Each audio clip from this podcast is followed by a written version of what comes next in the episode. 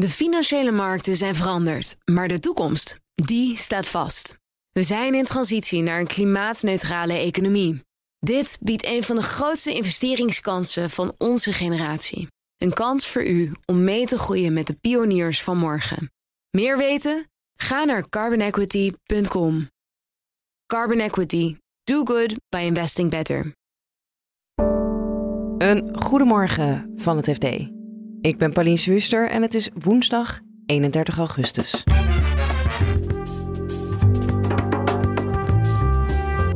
Koel- en vrieshuizen hebben last van de hoge energieprijzen en dat betekent dat ons voedsel duurder wordt. Het moet nog blijken, maar het lijkt mij, uh, de mensen die ik sprak, die denken dat allemaal dat dat moet gaan gebeuren.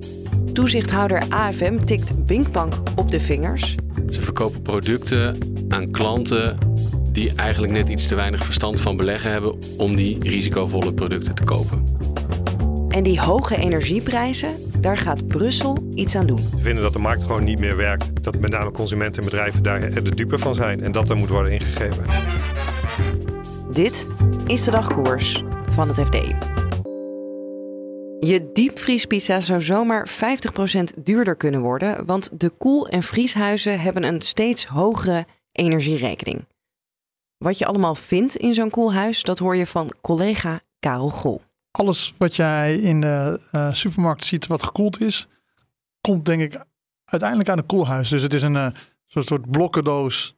Ja, het is gewoon een, een mega koelkast of een mega, soms ook vrieshuis. Het ligt er een beetje, je hebt koelhuizen en vrieshuizen. Dus, maar ja, het zijn gewoon grote pakhuis, denk ik. Maar dan waar het heel koud is. Ja, maar niet alleen maar dingen die je in het koelvak vindt of in het vriesvak, maar ook dingen die uit het seizoen zijn of worden ja, opgeslagen. Klopt, klopt. Appels, peren, uh, vers fruit. Het, het, alle appels in nee, die worden volgende maand worden ze geoogst. En die worden dan in koelhuis neergelegd.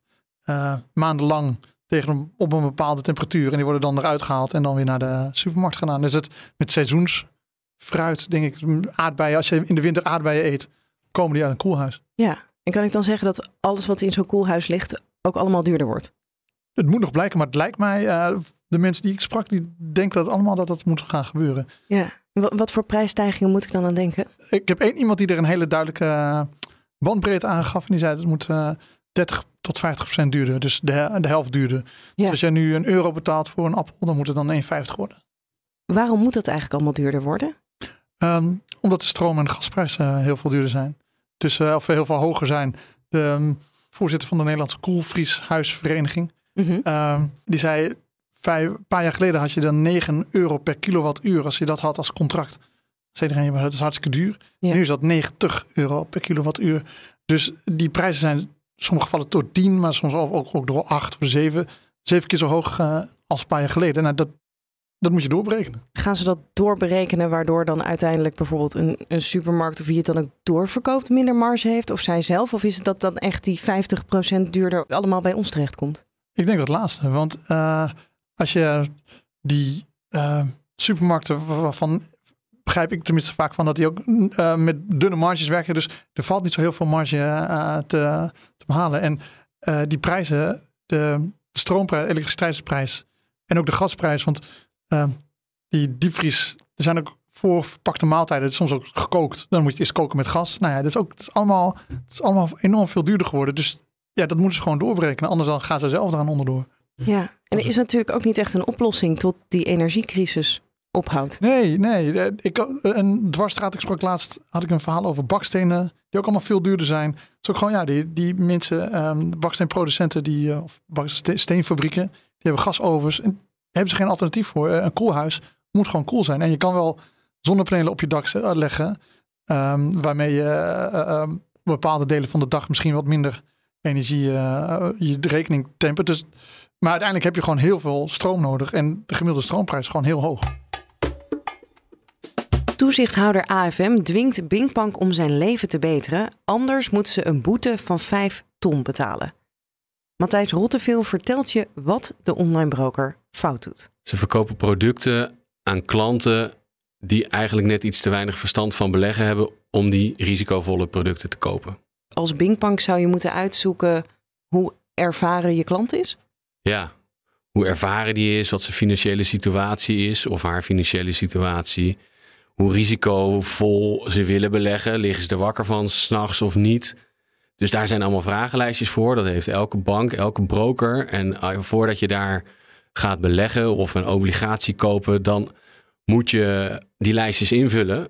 En dan uh, staan er vragen van, uh, ligt u er wakker van als u uh, als er 10 euro van uw portefeuille is verdwenen? En dan zeg je ja, nee, een beetje.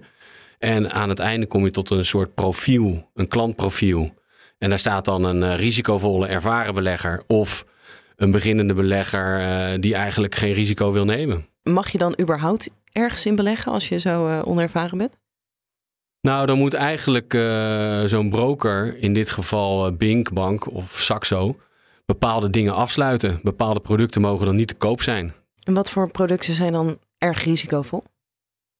Nou, de minst risicovolle producten zijn uh, bijvoorbeeld de staatsobligaties. Die, die variëren nooit zo in prijs. Of nou ja, goed, iets minder dan, dan bijvoorbeeld aandelen al. Dat wordt al risicovoller. Als je aandelen als Tesla hebt, die, die gaan hard op en neer. En daarna kom je bij een nog risicovollere categorie. En dat zijn de opties, specs, turbo's. En daar, daar gaat het hier over, over Ja. die laatste categorie. Ja, want die verkopen ze dus aan de hele onervaren categorie. Doordat eh, die eerste intake bij verschillende klanten niet zo goed is, kan het zijn dat mensen met weinig eh, ervaring of mensen die eigenlijk een beetje bang zijn, toch dit soort producten kunnen kopen. Ja, dus het is niet per se dat de AFM constateert... eh, heel veel onervaren beleggers kopen turbo's of SPACs bij Binkbank. Maar eh Binkbank heeft de eerste selectie niet op orde. Dus het, het zou kunnen dat het, Het kan, gebeurt. ja, ja. Je moet eigenlijk daar niet doorheen kunnen komen als je eh, geen risico's wil nemen. Als je onervaren bent, moet het eigenlijk niet mogelijk zijn om eh, turbo's te kopen. Waarmee je hele grote koerswinsten kunt behalen, maar ook hele grote verliezen. Ja. En die procedures zijn dus niet goed genoeg bij Binkbank. Ja. Daar zijn ze al in 2019, begin 2019 op gewezen.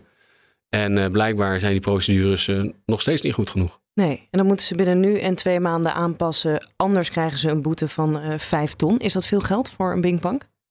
Nou, ik heb net even gekeken. Ze hadden in 2021 een winst van 55,3 miljoen. Moeder Saxo. Mhm. Dus dan is die, die 5 ton niet een heel groot probleem. En is dat dan, betekent dat dan dat het niet heel effectief is? Of niet per se, ja, dan kan je het ook niet aanpassen. Nou, er ligt nu wel een heel rapport. Wij schrijven er weer wat over. Dat wordt gelezen door beleggers. En eh, wie weet eh, denken die dan, oh jee, ik moet daar een beetje oppassen. En het is ook, ehm, ja, het, het blijft hier niet bij. Kijk, dit is een, dit is een voorwaardelijke boete. Eén van, het, zijn, het zijn twee boetes. Twee keer 250.000. Eén deadline is al voorbij. Die was op 3 augustus. Dus die hebben ze misschien al, al betaald. En die andere hebben ze dan nog twee maanden de tijd voor. Daarna kan er hier nog een boete bovenop komen. Maar dit gaat dus om problemen die al begonnen, of waar AFM op gewezen heeft in januari 2019. Daarna is eigenlijk een groter probleem ontstaan bij, eh, bij Saxo, bij Bingbank Saxo, toen ze gingen verhuizen naar het Saxo-platform. Daar, daar waren heel veel problemen mee. Beleggingsportefeuilles verdwenen. Mensen kregen allerlei transactiekosten voor hun kiezen. eh, en ze wisten niet waar die vandaan kwamen. Helpdesk onbereikbaar. Nou ja, ga zo maar door. Er was van, van alles aan de hand. En die verhuizing is begonnen ergens in maart 2021. En daar gaat AFM eh, ook nog naar kijken. Dus als we het nu over vijf ton hebben voor dingen die voor die migratie noemt eh, Bingbank het zelf, voor die migratie eh, geconstateerd zijn door AFM, dan kunnen ze ook nog wel eens een keer wat verwachten, misschien, als ze naar die migratie, die verhuizing gaan kijken. Ja, dus dus eigenlijk least of their problems eh, misschien. Dat denk ik wel. Dus ik denk, ze gaan nu ook niet in beroep. Ze gaan gewoon zeggen, dit betalen we. Want ze willen die relatie met, ze zeggen, ja, we zijn altijd in continu goed overleg met de toezichthouder. Ik denk, als de toezichthouder nog naar die verhuizing gaat kijken, dan betaal je deze boetes om te proberen in goed overleg met de toezichthouder te blijven. En dan keren we weer even terug bij die hoge energieprijzen. De Europese Commissie heeft aangekondigd dat er een noodinterventie komt. Wat dat kan zijn en of dat werkt, dat hoor je zo van onze energieredacteur Bert van Dijk. Maar eerst vertelt hij waarom het nodig is. Eigenlijk vindt Brussel dat uh, de prijzen zo exorbitant zijn gestegen dat dat niet meer voortkomt uit een normale marktwerking. Dat is eigenlijk wat ze zeggen. Ze vinden dat de markt gewoon niet meer werkt en dus dat met name consumenten en bedrijven daar de dupe van zijn en dat er moet worden ingegrepen. Ja, en dan is een van de oplossingen die wordt geopperd of een van de interventies is een prijsplafond. Wat zou dat inhouden, zo'n prijsplafond? Nou ja, dat klinkt natuurlijk heel mooi. betekent gewoon uh, maximumprijs op gas. Dus dat, je, dat, nou ja, dat jij als consument uh, niet meer kan betalen dan dit bedrag. Ja. Ook al hè, zegt de markt dat, dat, dat het meer waard is, maar dan zegt de commissie nee, dit is de prijs. Dus dat, is, dat klinkt heel mooi. Voor heel veel mensen is dat natuurlijk fijn dat je dan uh, een lagere prijs hebt dan je anders zou hebben. Maar dat betekent niet dat die marktprijs er niet meer is. Dus iemand moet dan toch nog dat verschil gaan betalen. Dat is natuurlijk wat er dan aan de hand is. Want die energieleverancier die zegt ja, maar dit is de prijs. Maar ja, uh, dit is de prijs, zegt de commissie. Dus daar zit een verschil tussen. En dat moet de, uh, de overheid dan gaan betalen. Als ze dat niet willen doen, dat kan ook. Maar ja, dan zegt zo'n energieaanbieder: prima dat ik mijn maximumprijs heb, maar ik krijg hier veel meer in het buitenland. Dus ik ga mijn gas of stroom daar leveren. Ja. En dan krijg ik meer geld. En dan hebben we hier een tekort aan fysiek aan stroom of gas. Dus dat uh, werkt ook niet. Werkt ook niet. Dus dan moet je daar weer een mechanisme voor verzinnen om te voorkomen dat dat gebeurt. Ja, als het de Europese markt de enige energiemarkt zou zijn, dan zou het natuurlijk wel kunnen werken. Het is vooral dat het internationaal is, dat ze ergens anders heen kunnen met hun gas of ja, stroom. Ja, ja, zeker. En dat geldt natuurlijk voor bepaalde. Kijk, met pijpleidingsgas is dat moeilijk, maar bijvoorbeeld met, met LNG, wat met schepen komt, ja, dat kan heel makkelijk eh, naar Azië gaan of naar een andere. En je, je zag het ook in Spanje, die hebben, ook, die hebben al een prijsplafond ingesteld uh, op, op stroom. En daar is, uh, ja, is er veel meer elektriciteit geëxporteerd naar bijvoorbeeld Frankrijk omdat daar meer, de producenten konden daar meer voor krijgen. Dus moesten weer dat worden ingedampt door een soort exportcap. Want anders ja, is er weer niet genoeg stroom in uh, Spanje. Dus dat is weer een pleister plakken. Dus blijven labmiddelen. Ja.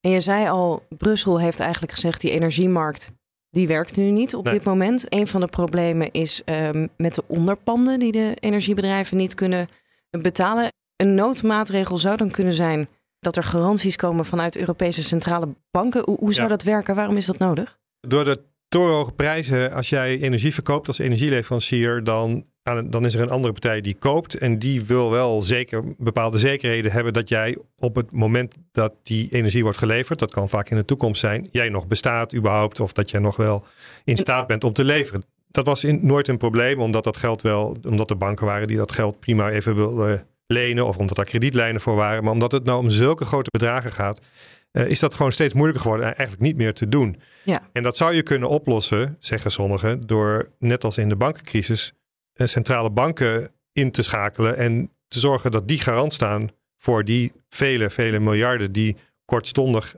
ja, als onderpand moeten worden ge- gestort, als het ware. Ja, Want het is vrij risicoloos. Het is alleen maar, je moet het even vastzetten. En op het moment dat die energie wordt geleverd een jaar, wat bijna altijd gebeurt, dan valt het weer vrij en is er niks aan de hand. Alleen, het moet er wel zijn. En die garantie zouden, nou ja, zouden de Europese overheden zouden eh, daarvoor geld moeten gaan staan. ja. En hebben we daar enig idee in of dat een eh, realistisch scenario is dat ze dat willen gaan doen? Ik kom dat nog niet zoveel tegen. Het wordt, het wordt wel geopperd. Maar, maar goed, ik neem aan dat als Brussel ook meer, weer gaat onderhandelen en gaat overleggen dat dit wel aan bod komt. Maar eh, voor zover ik weet is dat nu niet aan de orde.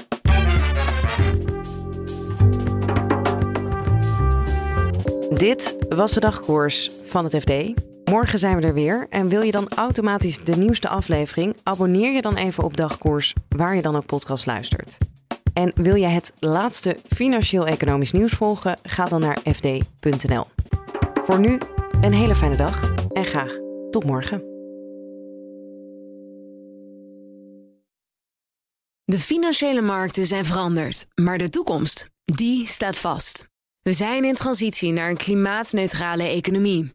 Dit biedt een van de grootste investeringskansen van onze generatie. Een kans voor u om mee te groeien met de pioniers van morgen. Meer weten? Ga naar carbonequity.com. Carbon Equity. Do good by investing better.